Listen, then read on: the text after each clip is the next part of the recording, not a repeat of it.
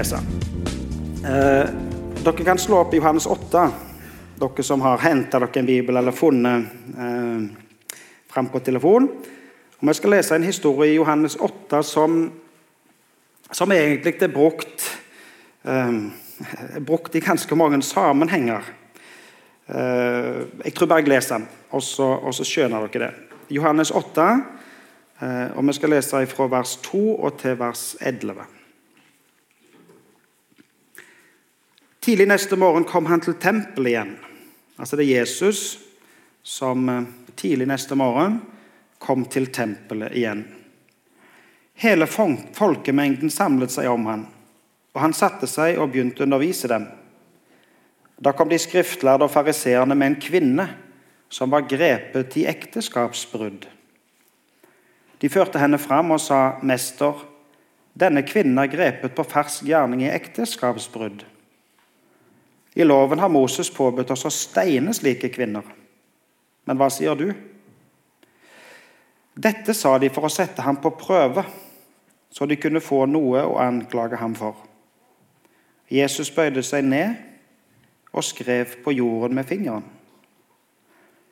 Men da de fortsatte å spørre, rettet han seg opp og sa, 'Den av dere som er uten synd, kan kaste den første steinen på henne.' Så bøyde han seg ned igjen og skrev på jorden. Da de hørte dette, gikk de bort, en etter en, de eldste først. Til slutt var Jesus alene igjen, og kvinnen sto foran ham. Da rettet han seg opp og spurte, 'Kvinne, hvor er De? Har ingen fordømt deg?' Hun svarte, 'Nei, Herre, ingen.' Da sa Jesus, 'Heller ikke jeg fordømmer deg. Gå bort og synd ikke mer fra nå av.' Det fins mange sentrale begreper i Bibelen. Og det er mange begrep som vi gjerne må, ha, må ha litt undervisning ha litt konfirmantundervisning for å forstå hva eh, hva innholdet er i begrepene. Altså Vi har ord som la oss si, tru, frelse, nåde eh, osv. Og så er det faktisk så i Bibelen at når, når Jesus skal svare på spørsmål når, når, folk kommer til Jesus og spør han om spørsmål, så svarer ofte Jesus med en historie. Han forteller en historie. F.eks. når de spør eh, hvordan er himmelriket så svarer Jesus himmelriket er likt, og så forteller han en, en historie. Nå har vi lest en historie, og vi skal forklare et ord, et bibelsk begrep, ut ifra denne historien. Så det er klart, Vi klarer ikke å forklare alle sider. Vi klarer ikke å gå, vi kunne snakket lenge og mye, men med utgangspunkt i denne historien så skal vi se på ordet 'synd'.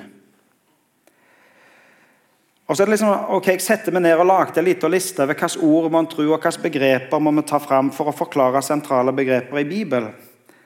Og så kunne det gjerne vært fristende å begynne med et flott ord som, som nåde eller frelse. Eller noe som liksom har en sånn positiv Ja, dette vil vi virkelig formidle. Men så oppdaget jeg, tror jeg i alle fall Jeg tror jeg oppdaget at for at alle de andre begrepene skal ha mening, så må vi faktisk begynne med ordet synd.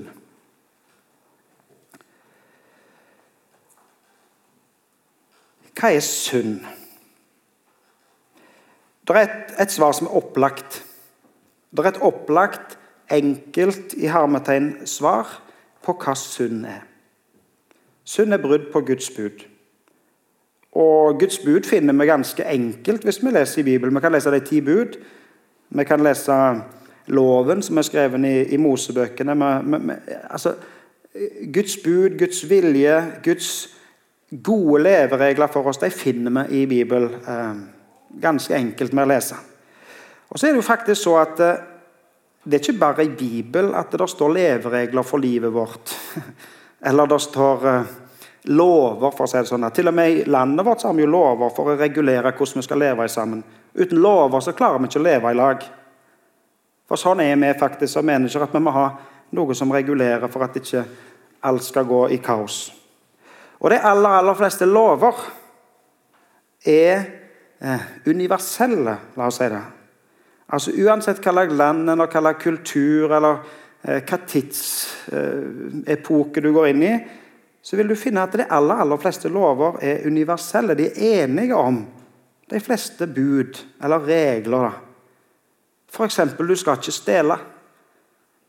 De aller fleste eller Jeg vet faktisk ikke om noen plasser der de sier det er greit å stjele. Altså, Du skal ikke stjele. Det sier Gud til oss i, i Bibelen, og det sier de aller, aller fleste andre. Eller alle andre som jeg vet om, i alle fall. Du skal ikke stjele, du skal ikke lyge, du skal ikke drepe, osv. Eh, og det opplagte svaret på hva synd er, det er jo det at ja, men det er brudd. Det er brudd på Guds bud. Brudd på, på reglene. Vi samles nede i bedehuskjedleren på onsdagene rett etter skoletid. Da inviterer vi 6. og 7. klassingene til Rett etter skoletid så kommer 6. og 7. klassingene til bedehuset på noe som vi kaller for kronologos. Og Da har vi litt grann, ja, Vi går rett og slett gjennom bibelhistoriene, og så har vi en liten pause, og så ja, er vi der i lag i en, i en god time.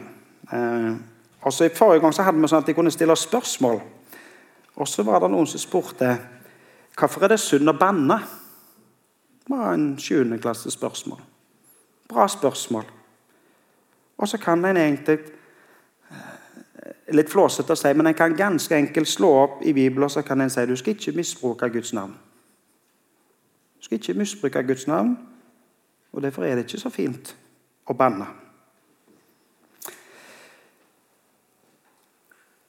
Disse skriftlærde som vi leser om i denne teksten, de hadde tenkt at de skulle sette Jesus på prøve.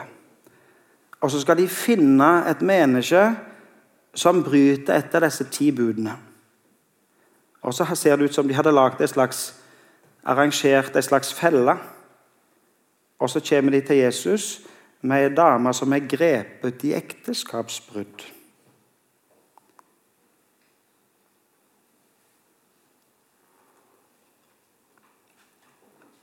Og utroskap, eller det som, det som de hadde tatt damer for, var jo ikke greit. Altså, hun hadde, hun hadde jo gjort et brudd på de ti bud, på Guds gode eh, leveregler.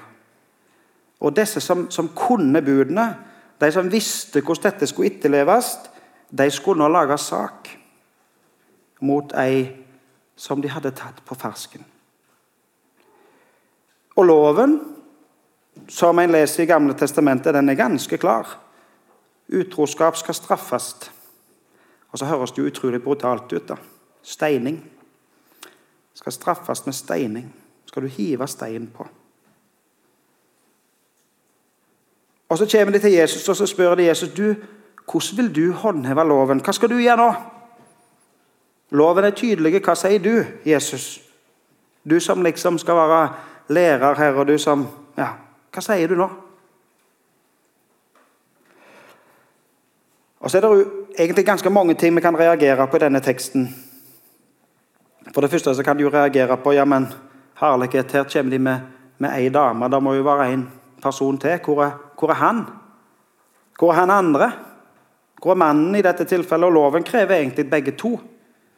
Og så kommer de skriftlærde bare med hun her dama. Og Hvordan i all verden hadde de klart å sette opp denne fella? Hvordan hadde de arrangert dette her? Eh, videre. Det er mange spørsmål vi kan, vi kan stille. Vi skal ikke, skal ikke gå inn på det. Men Jesus responderer. For det første først så bøyer han seg ned. Og så skriver han på jorda. Han skriver i støvet, på en måte. Og når han ikke vil svare, ser det ut som, så, så maser de på han. Og så, og så svarer han med en berømt setning. Den som er uten synd, den av dere som er uten synd, kan kaste den første steinen.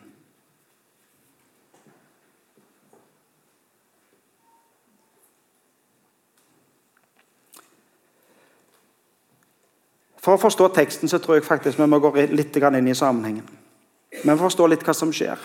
Dette her skjedde for snart ja, for 2000 år siden, ganske nøyaktig faktisk. Eh, Mangla bare noen få år. Eh, og Det er jo klart det er en annen kultur.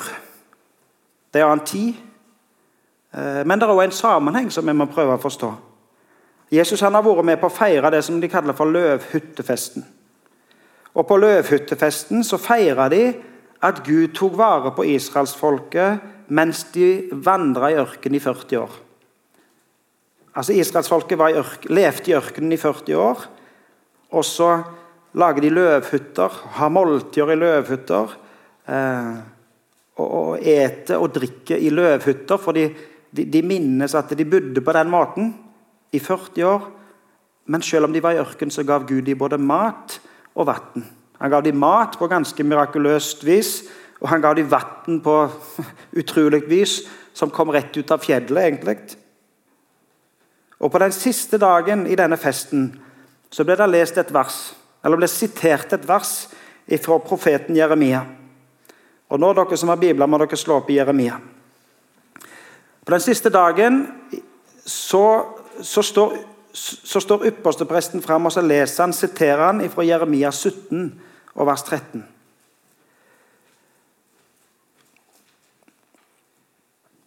Og egentlig eh, så er Jeremia 17 og vers 13 en advarsel til folket.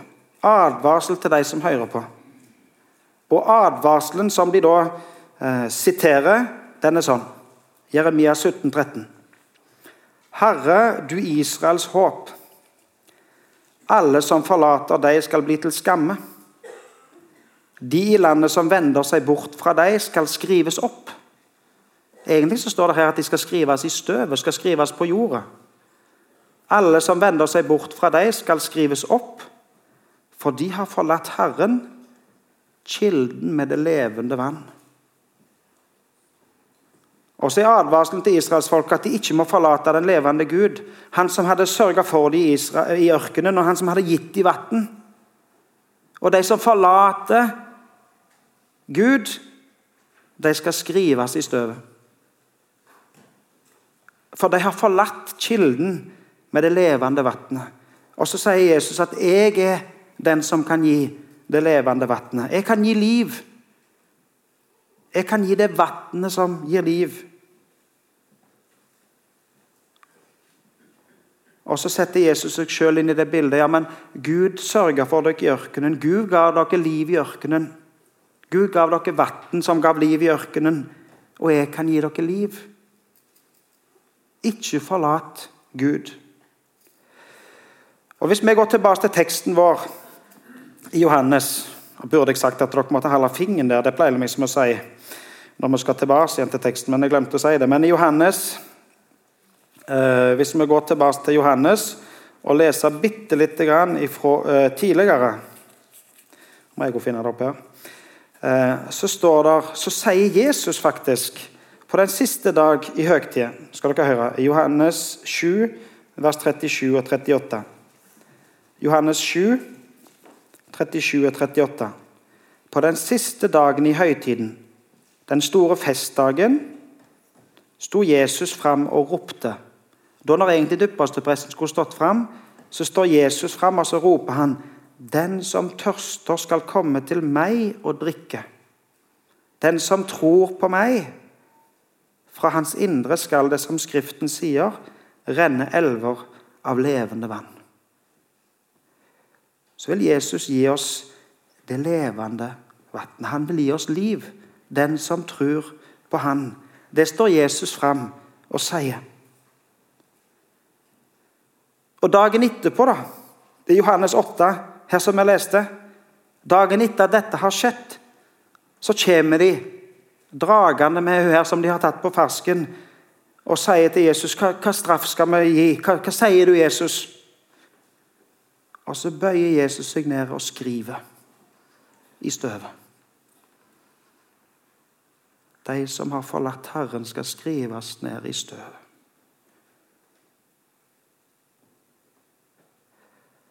Og så blir de utålmodige. vi vet jo ikke det, men jeg tror egentlig ikke de ser hva han skriver. Ikke sikkert de tenker på den teksten fra Jeremia 17 heller egentlig ennå. Men de maser på Jesus for å få et svar. Hva sier du? Og når Jesus reiser seg opp, så svarer han den av dere som er uten synd, kan kaste den første steinen. Vær så god. Begynn, du som ikke har synd. Og Så bøyer han seg ned og så skriver han videre. Og Disse skriftlærde, disse som har vært og feira denne festen hvert eneste år, hele sitt liv, og som dagen før var voldsomt opptatt av at nå må det siteres, det som står i Jeremia 17, 13. At de som har forlatt Herren, skal skrives i støvet. Og det er jo egentlig den store, store utroskapen. At folket vender seg vekk ifra Gud.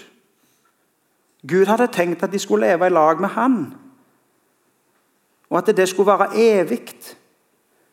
Og så forlater de Herren. Så sier Jesus nå at ja, men vær så god. Den som er uten synd, kan pitte opp steiner og begynne å hive.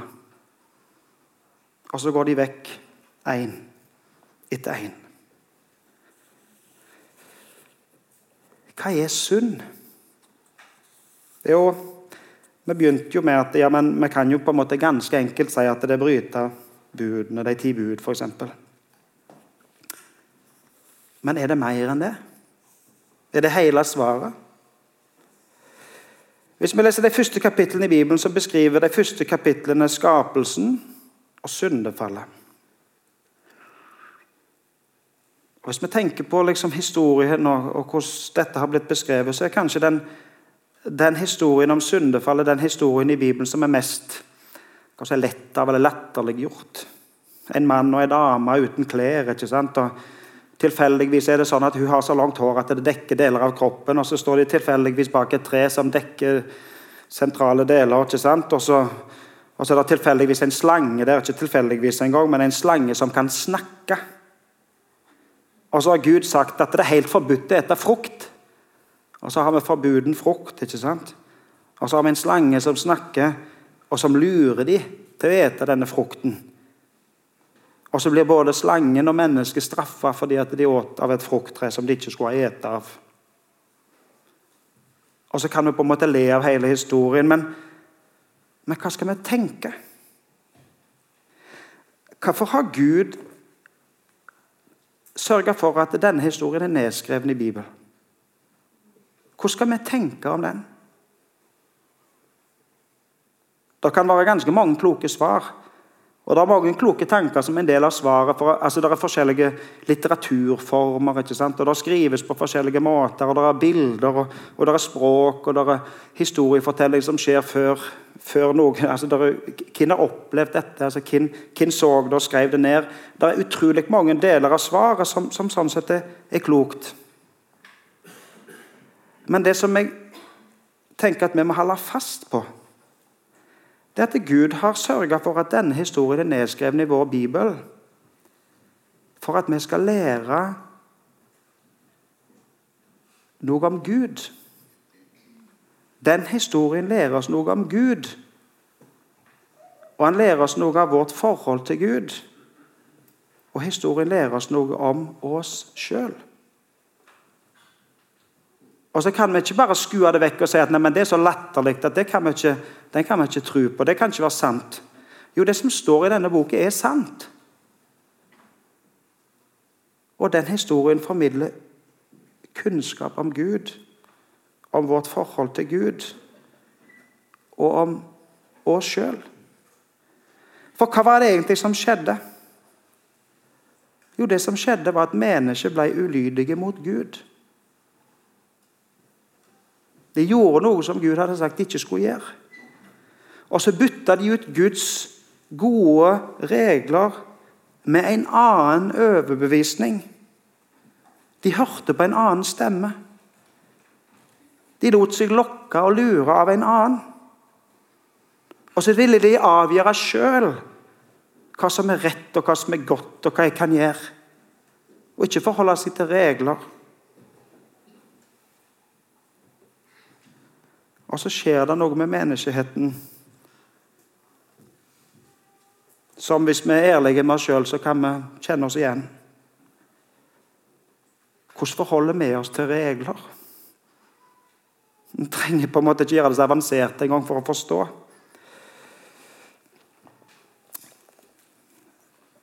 det, er et tåpelig eksempel, konfirmanter. Jeg beklager. Men altså, vi, var på, vi var på leir for eksempel, med noe på Tonstad, og konfirmantene fikk beskjed om at det var leggetid klokka ett. Tror dere de la seg klokka ett? Nå ser de ned, alle sammen her. Nei, det var, det var et uskyldig eksempel, men dere forstår hva jeg vil, hva jeg mener. ikke sant? Altså, hvordan forholder vi oss til regler?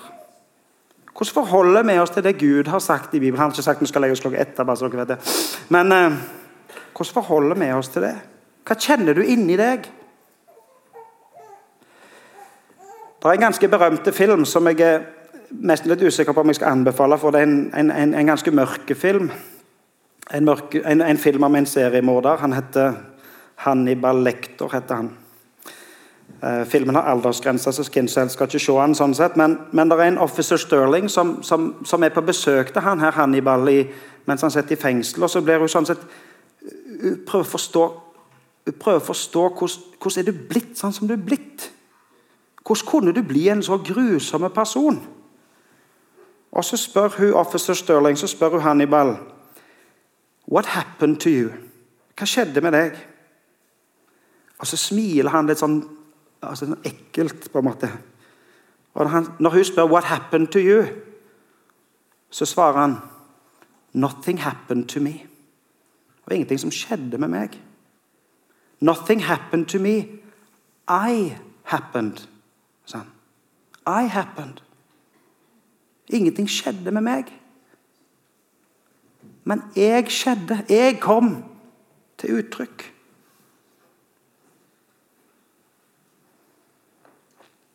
Det er ganske forunderlig med Jesus. Jesus han peker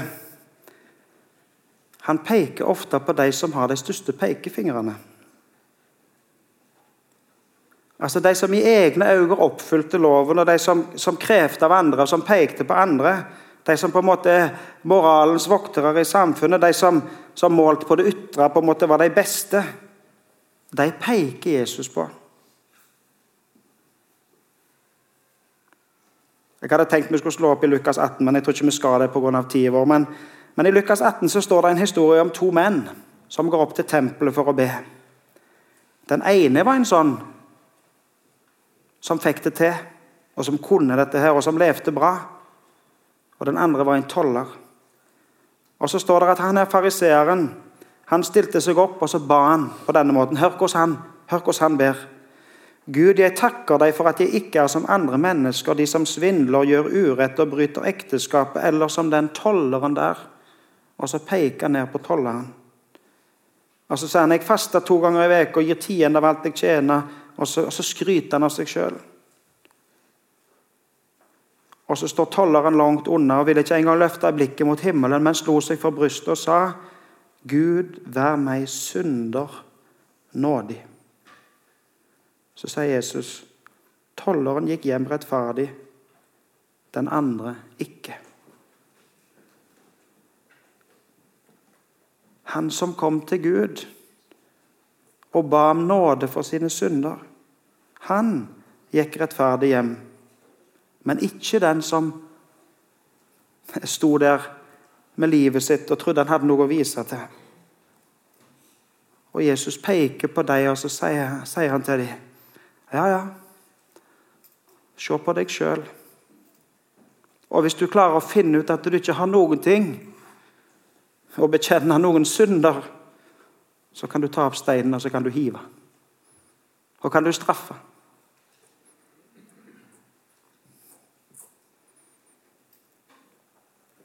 For han som står der framme og sier at å, jeg takker Gud for at jeg ikke er sånn som de andre. Jeg gjør sånn og jeg gjør sånn og jeg holder hele loven. Hva har jeg egentlig sett? Jo, han har jo i realiteten forlatt Gud. Og så har han sett seg sjøl inn i plassen for Gud. Gud sier du skal elske Gud og elske det neste. Men han mannen, han elsker seg sjøl og ser ned på sin neste. Og så peker Jesus på han, og så sa han Du har forlatt Gud.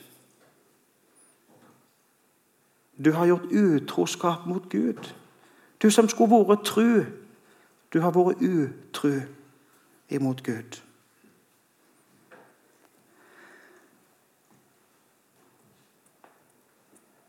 Fariseerne som kom med hun her, som, var, som de tenkte at nå skulle få sin straff, de forlot De gikk vekk én etter én. Den eldste først, står det faktisk. De som hadde levd lengst. De som kanskje hadde eh, sitt mest av seg sjøl, for å si det sånn. De forlot, de gikk vekk. Ingen av de vågte å ta opp en stein og si 'jeg er uten synd, jeg kan hive'. Og så står det i teksten så ble Jesus alene igjen. Det var kun én person til stede utenom Jesus, og det var hun dama. Jesus alene med hun som alle andre så ned på. Hun som alle andre ville dømme. Og så tenker jeg når Jesus står der med hun, det er det, eneste to som er der.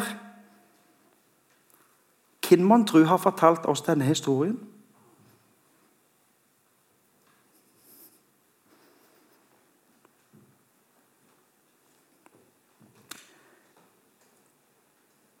Hun dama som alle andre ville dømme, fordømme, hun ble tatt imot av Jesus.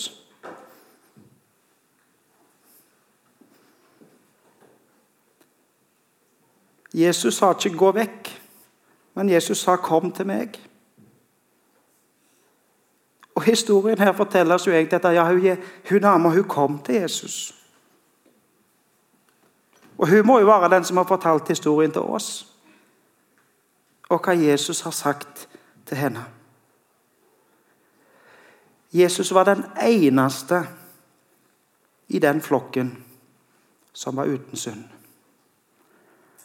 Jesus var den eneste som kunne bøtt seg ned og tatt opp en stein for å straffe henne. Jesus var den eneste som kunne ha fullbyrda loven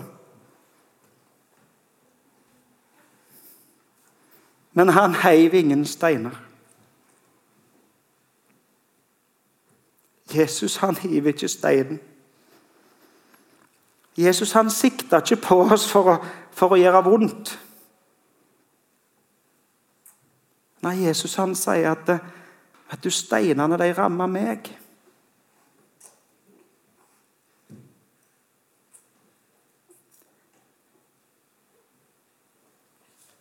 Og når steinene rammer Jesus, så går vi fri.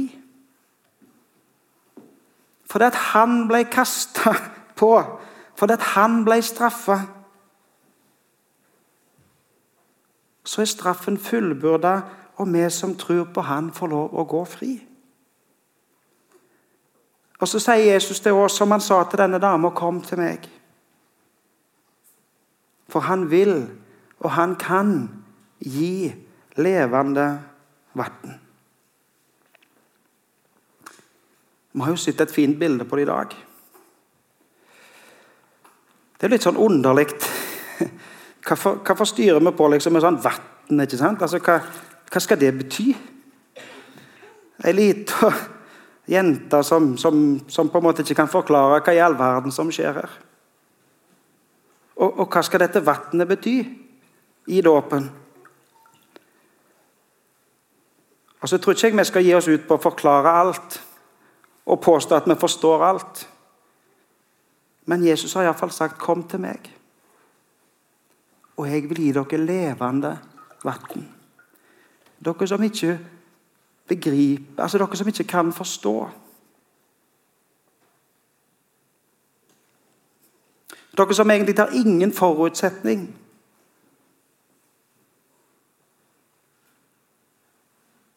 Dere kan komme til meg, og så kan dere få levende vann. Evig liv. Og så gjelder det deg. Jesus ser ikke på deg for å hive steinen. Jesus ser ikke på deg for å dømme deg eller for å holde deg utenfor. Men Jesus ser på deg og så sier han, 'Kom til meg', for jeg har levende vann å gi. Jeg har evig liv å gi. Den som tror på meg. Ikke han skal det være levende vann.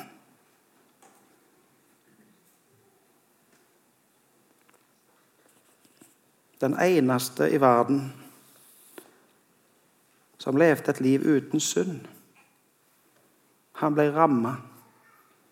Han ble steina for at jeg og du skulle få liv.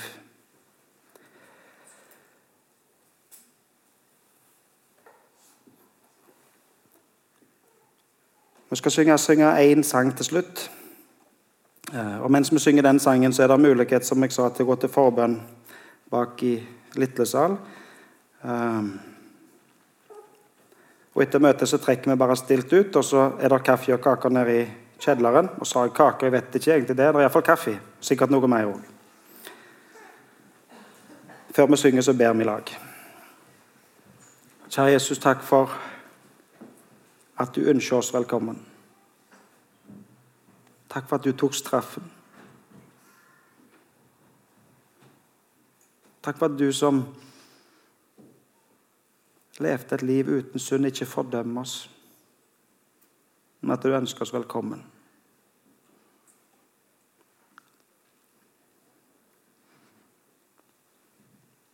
Jeg ber om at vi òg må, må kunne leve sånne liv som sier velkommen, som ønsker velkommen, som forteller her er det godt å være. Som ikke støyter vekk og fordømmer, men som elsker og inviterer. Jeg har lyst til å be deg for alle som er samla her. Jeg har lyst til å be deg for eh, de som ser på. Og spesielt lyst til å nevne for deg de som er, kjenner eh, Som er syke, som har Som har det vondt fysisk. At du må være med og helbrede og gi av din omsorg. Og hjelpe oss òg å gi, å gi omsorg til de som trenger det. Må du være med oss i dag og uka som ligger før oss. I ditt navn, Jesus. Amen.